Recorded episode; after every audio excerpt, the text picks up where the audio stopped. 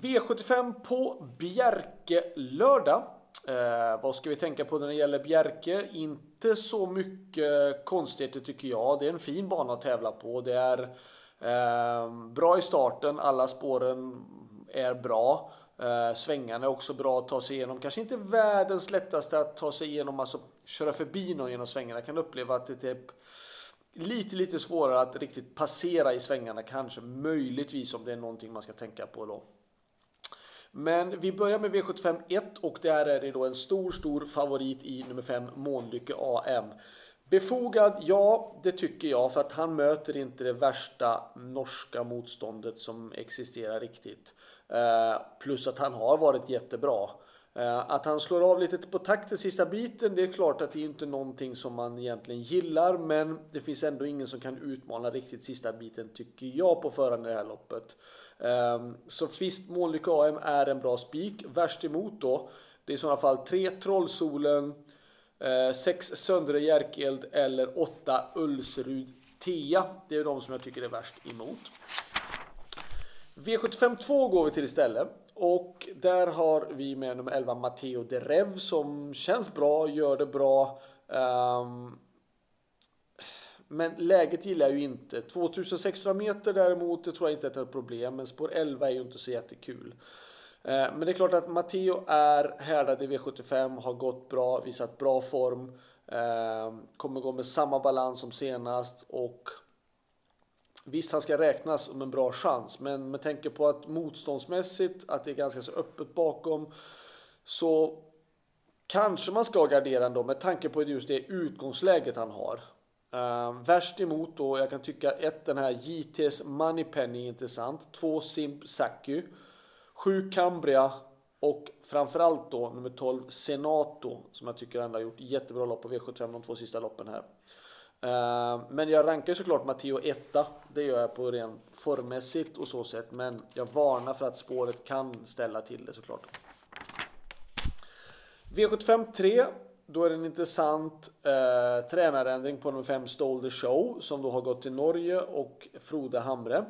Eh, jag kan tycka att jag hade velat haft, jag har läst nu guiden här vad de uttalar sig. Eh, och jag hade velat haft lite offensivare uttalande för att jag skulle vara nöjd ändå. Jag hade varit liksom inne på att spika Stolder Show för att jag tycker att han är en fantastiskt fin häst.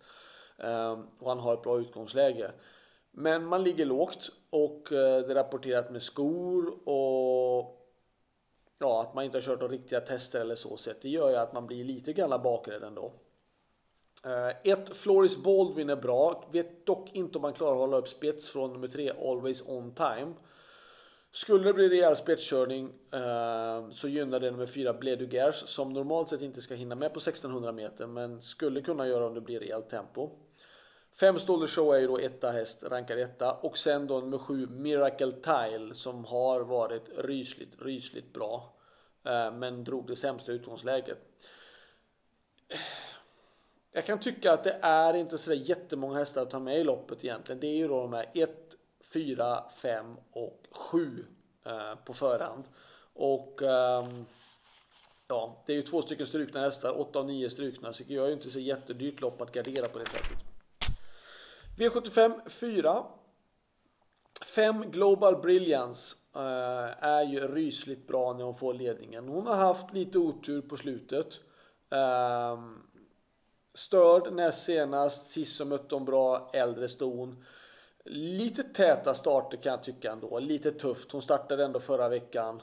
Ehm, och hon startade två veckor innan det. Och hon startade två veckor innan det.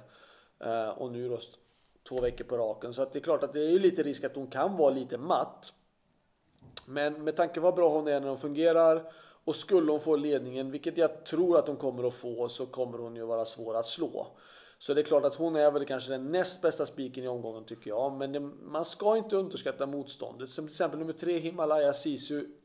Det vet vi ju att den kan ju spurta jättebra om den får rätta loppen. Fyra Miss Pepper kommer ändå med fyra raka segrar och har gjort det bra.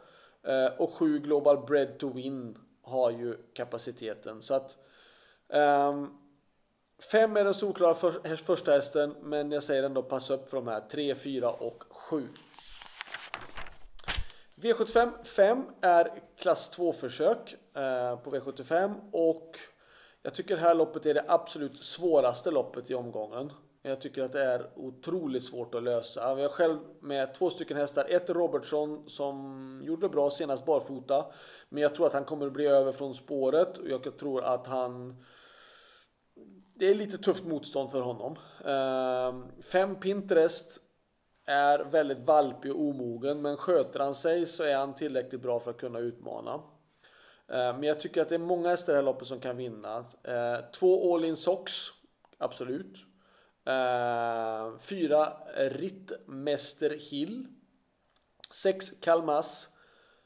10 Present Tile och 11 Run to You. Eh, jag tycker att det här loppet är svårt som man säger. Det är bara att plocka med många hästar. 2, 4, 6, 10, 11 och kanske då även 1, 5 om man vill ta med fler hästar också. V75 6. 8 Crash är en väldigt, väldigt fin häst. Eh, nu drog han ju då spår 8 och har ju då ut, utanför sina alla bästa motståndare. Eh, 5 Toto Barroso, 1 Coventry Hall och kanske ett lyxstreck, men jag tycker ändå, jag tycker han är bra fast han är såklart allra bäst i spets. Nummer 10, Mr. McCann. Men om han skulle kunna om det blir rejäl körning i loppet så kan det vara en inbjudan till 10 Mr. McCann. Men 1, 5 och 8 ska rankas före såklart. V75 7. Här kan det bli en rejäl spetskörning. 3 eh, Pere Ebu är snabb ut. 2 Z Boko är snabb ut. Och 1 Park View är väldigt snabb ut. Initialt tror jag att spetskörningen står mellan 1 och 3. Men jag väver den även för att nummer 2 kan ta spets. Eh, det är klart att om det blir en lång och utdragen spetskörning så kommer ju det att eh, gynna bakspårshästarna och då är då 9 Mr Donald tillräckligt bra i ordning för att kunna vinna. 10 Vitro Diablo är bra, 11 Reddington. Kanske 12 Hulken Sisu säger jag också. Eh, men framförallt 9, 10, 11.